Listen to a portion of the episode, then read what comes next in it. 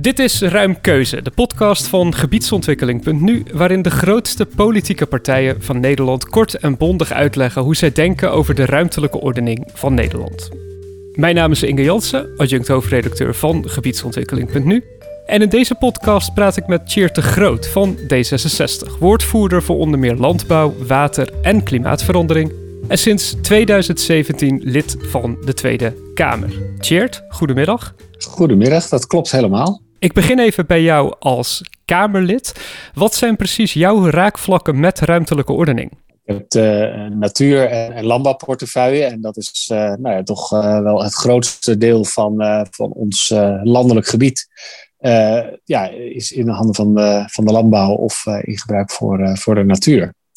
Dus ik heb er grote raakvlak mee. Um, en ook wel uh, ervaring. Ik ben alleen geen expert op het gebied van ruimtelijke ordening. Dus als jij mij hele moeilijke vragen gaat stellen over de omgevingswet, dan, dan moet ik even passen. Een van de meest bekende dingen over jou is jouw standpunt over landbouw. Je hebt vorig jaar gezegd, uh, je hebt gepleit voor een halvering van uh, de ruimte die ingenomen wordt door de agrarische sector. Dat is ook herhaald in het partijprogramma van D66. Hoe zie jij precies die rol van landbouw in de ruimtelijke ordening van Nederland? Waar, waar ik voor heb gepleit is, echt een, een transitie van, van de landbouw. Omdat de manier waarop we nu de aarde gebruiken, ook in Nederland, dat we heel veel vruchtbare grond gebruiken voor de teelt van veevoer, uh, is heel inefficiënt. Want je hebt altijd een paar kilo veevoer nodig voor één kilo dierlijk eiwit. Dus er zit enorm verlies op. En dat maakt ons landbouwsysteem, ons voedselsysteem, niet houdbaar. Dus waar ik voor heb gepleit is van, nou, geef alleen nog maar eten aan dieren dat mensen niet kunnen eten. En daarnaast kun je dieren houden op marginale gronden. En die hebben in Nederland natuurlijk ook. Hè? Gronden waar niets anders groeit dan gras. Nou, heel goed voor koeien. Dat zijn graasdieren, kun je die houden. Dus je gaat anders kijken naar je ruimtelijke ordening um, vanuit die kringlooplandbouw. En je gaat ook heel anders om met de bodem. Eigenlijk bepaalt de bodem die je hebt, bepaalt de functie. En in het huidige Nederland ja, willen we eigenlijk alles overal. En gaan we bijvoorbeeld heel veel mais aanbouwen op zandgronden. Nou, mais is een veevoer, dus past al eigenlijk niet in kringlooplandbouw. En het is ook nog een heel uitspoelingsgevoelig gewas. En dat betekent dat alles wat, we, ja, wat daar aan mest wordt uitgestrooid, dat dat uh, heel makkelijk doorspoelt naar het grondwater. Nou, en dan houden we ons daar weer niet aan de regels die we in Europa hebben afgesproken. Dus kringlooplandbouw is echt een manier om anders te kijken naar de voedselproductie. En leidt inderdaad tot een halvering van de veestapel. Want ongeveer de helft van het voer voor varkens en kippen ja, bestaat nu uit eten dat mensen ook kunnen eten. Mais en soja. Wat zou jij met die ruimte willen doen die er dan vrijkomt bij die overstap naar een nieuw agrarisch systeem? Nou, in ieder geval heb je een extensievere landbouw. Op zich kun je de landbouw is, is natuurlijk ook, uh, als je mits je het goed doet, een hele goede, mooie natuurbeheerder. Um, sowieso wil D66 veel meer natuur uh, uh, aanleggen. Dus, dus niet alleen de huidige beschermde gebieden, de natuurgebieden, maar ook de ruimte eromheen als een soort buffer. en de verbindingen weer, weer aanleggen. En natuurlijk voor jonge mensen zeker relevant is dat wij ook willen bouwen. En in eerste instantie willen we dat doen ja, in de steden, want daar zitten al uh, nou ja, alle voorzieningen, de knooppunten, openbaar vervoer. Uh, dus laten we vooral eerst die steden benutten. Maar we ontkomen er niet aan om ook in het landelijk gebied te bouwen, nabij steden. Nou, en, en daar zeggen we dan van, ja, dat zal dan ten koste gaan van de landbouw. Je hebt ook veel te maken met uh, water en met klimaatverandering.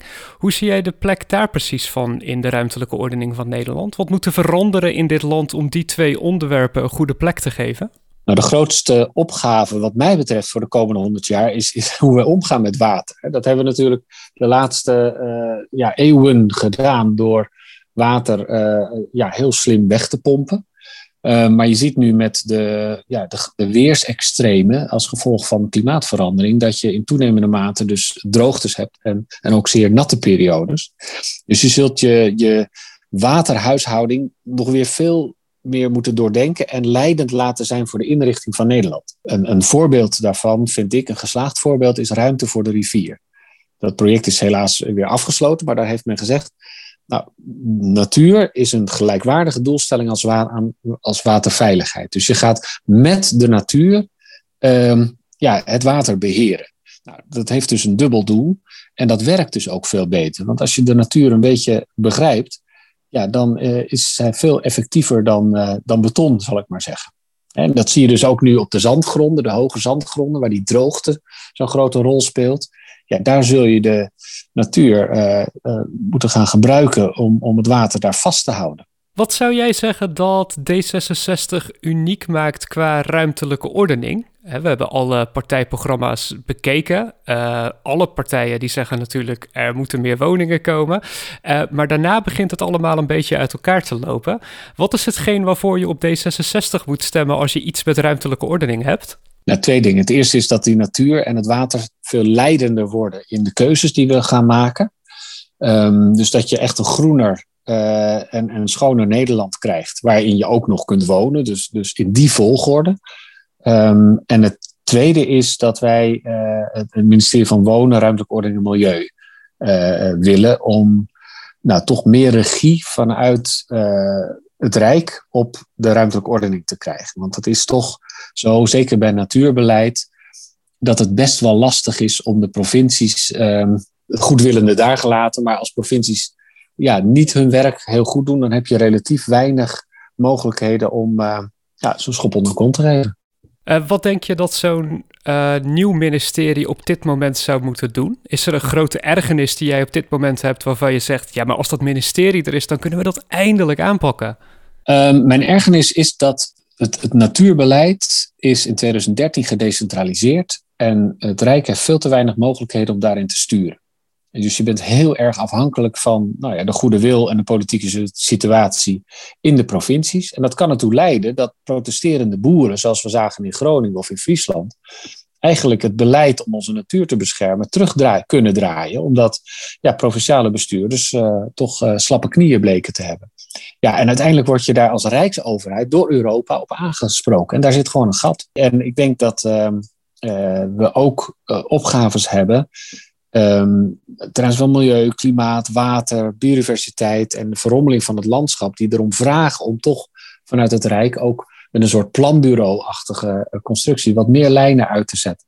Om Nederland uh, ja, klaar te laten worden voor, uh, voor de toekomst. Zijn er ook dingen in Nederland qua ruimtelijke ordening die juist wel goed gaan? Waar je eigenlijk trots op bent dat je denkt, nou ja, daar hebben we in ieder geval geen ministerie voor nodig, want dit kunnen we blijkbaar al uit onszelf? Nou, dat zijn misschien de, eh, de successen uit het verleden. Als je Nederland uh, vergelijkt met België bijvoorbeeld, hebben we het in het verleden best wel goed gedaan. Met onze planning van, uh, van, van nieuwe woonwijken. Niet altijd even geslaagd.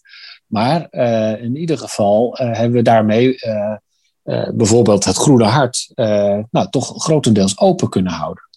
Dat lijken we de laatste jaren een beetje te hebben weggegeven. En daarom pleiten we ervoor om nou, toch weer de regie een beetje terug te pakken. Hoe moet ik die successen uit het verleden zien in de toekomst als het aan D66 ligt? Kijk, Nederland die bungelt onderaan als het gaat om de kwaliteit van onze natuur. En, uh, en ook weten we nu al dat we de doelen van de kaderrichtlijn water niet gaan halen. Nou, je ook nog eens te maken met de, nou, de extremere weersomstandigheden en de stijging van de zeespiegel. Dus we zullen echt vooruit moeten kijken. Willen wij uh, nou ja, die opgaves uh, voor elkaar krijgen. Dan kan je niet uh, een beetje blijven doen wat we al deden. Dat, dat gaat echt niet. En wat het allerbelangrijkste is, dat we functies combineren. Je ziet eigenlijk dat in toenemende mate uh, er hekken zijn gekomen tussen alle functies. Ik noem dat maar hekken, maar soms zijn het ook letterlijk hekken tussen de natuur en de landbouw. landbouw wonen, wonen en, en, en, en natuur enzovoort. Terwijl je de natuur echt tot je vriend kunt maken, zodat je veel meer natuurvriendelijk en watervriendelijk gaat wonen, bijvoorbeeld. Dat je de landbouw veel natuurvriendelijker maakt. En dat betekent dat je ja, uh, over je eigen hekje moet gaan kijken en moet gaan samenwerken met anderen. Want de opgaves voor Nederland, is een heel klein land, met, we willen ontzettend veel. Maar die grote opgaven krijgen we alleen voor elkaar als we het samen doen. En dat begint toch bij de, ja, bij de Rijksoverheid. Stel voor, D66 wordt de allergrootste partij bij de verkiezingen op 17 maart. En jullie mogen vier jaar lang hebben jullie het mandaat om te regeren naar eigen inzicht. Wat zou dat betekenen voor de ruimtelijke ordening van Nederland? Nou, dan komt er een, uh, een ministerie uh, waar die duidelijke keuzes worden gemaakt wat we gaan doen met die schaarse ruimte. Want dat betekent dat we die functies gaan combineren, waar de natuur de basis gaat vormen en het water. Ehm, op basis daarvan gaan we echt woningen bouwen. Zorgen dat, uh, nou, er wordt nu al een record aantal woningen gebouwd, maar dat daar veel meer bij komt. En, en dat ligt nog natuurlijk het dichtste aan mijn hart, is dat we echt die omslag gaan maken naar kringlooplandbouw. Dat die niet alleen maar op papier bestaat, maar dat we ook in de praktijk met boeren samen uh, die stappen gaan zetten. Om daar ja, wereldwijd ook echt koploper in te worden. En dan worden wij een land, een, del, een land in een delta, waar het gewoon en de mooiste wetlands hebt, en klimaatadaptief kunt, kunt wonen, en nog een, een, een voedselproductie die uh, bij de wereld mee redt. Niets minder dan dat. Ik, ik denk niet dat we dat direct in vier jaar gaan halen, toch? Ja, daar heb je natuurlijk altijd langer voor nodig. En in Nederland moet je altijd uh, samenwerken met, uh, met anderen, die, die er vaak toch ook weer anders over denken. Maar dit is wel de inzet. Ik denk dat onze inzet ook niet minder mag zijn dan, dan dat je echt zegt van alles wat, er op, wat wij doen, moet erop gericht zijn dat volgende generaties gewoon nog op deze aarde kunnen wonen. En dat is op dit moment is dat gewoon niet zo. Ter afsluiting van deze podcast. Vijf dilemma's en je moet keuzes maken. Dus veel succes daarmee. We beginnen bij dilemma 1. Gaan we woningen bouwen in het groen of gaan we de bestaande bouw verdichten? Bestaande bouw verdichten. Uh, in eerste instantie is er nog veel ruimte in steden en daarna komen andere opties in beeld. Dilemma 2 industrieterreinen en andere arbeidsintensieve plekken die in de stad zitten of in een dorp zitten, houden we die binnen de gemeentegrenzen of plaatsen we die juist naar buiten? Ja, dat hebben we de laatste jaren vaak gedaan. En dat heeft geleid tot een enorme verdozing van het landschap. Dus ik ben er niet voor. We verliezen volgens mij dagelijks 16 voetbalvelden aan, uh, aan, aan gebied in de, in de ruimte. Dus ik ben er niet voor. Laten we het in de stad oplossen de aandacht van de overheid, moet die vooral uitgaan naar de steden en dan specifiek de Randstad, omdat daar de grote opgaven liggen?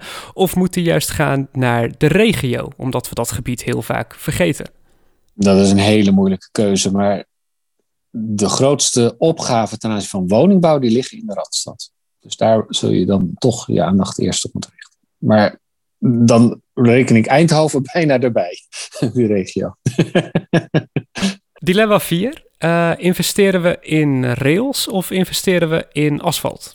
Ja, dat is geen moeilijke vraag. Rails.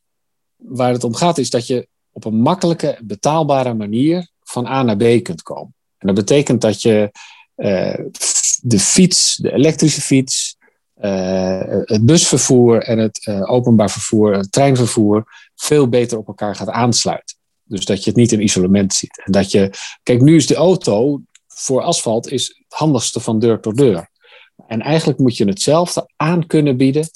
Dat uh, waar je ook woont, dat je altijd uh, in de combinatie uh, fiets of, of, openbaar vervoer um, naar de trein kunt komen waar je wilt. Als laatste, dilemma 5. Moet er wel of geen minister voor ruimte komen? Met als bonusvraag daarbij: wil jij dat worden?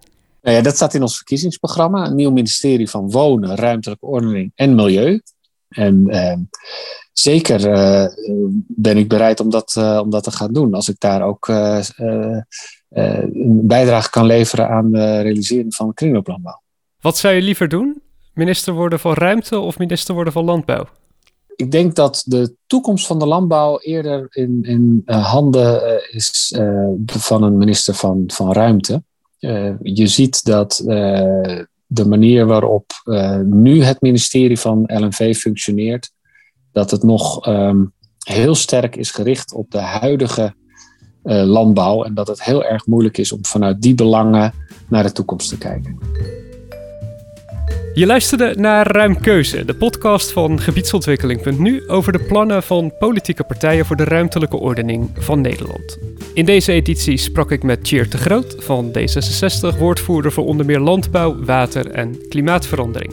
Tjeerd, dankjewel. Graag gedaan. Meer afleveringen van Ruimkeuze luisteren? Zoek dan naar gebiedsontwikkeling.nu in Spotify, Apple of een andere podcast-app of bezoek www.gebiedsontwikkeling.nu. Dankjewel voor het luisteren en tot gauw bij een andere editie van Ruimkeuze.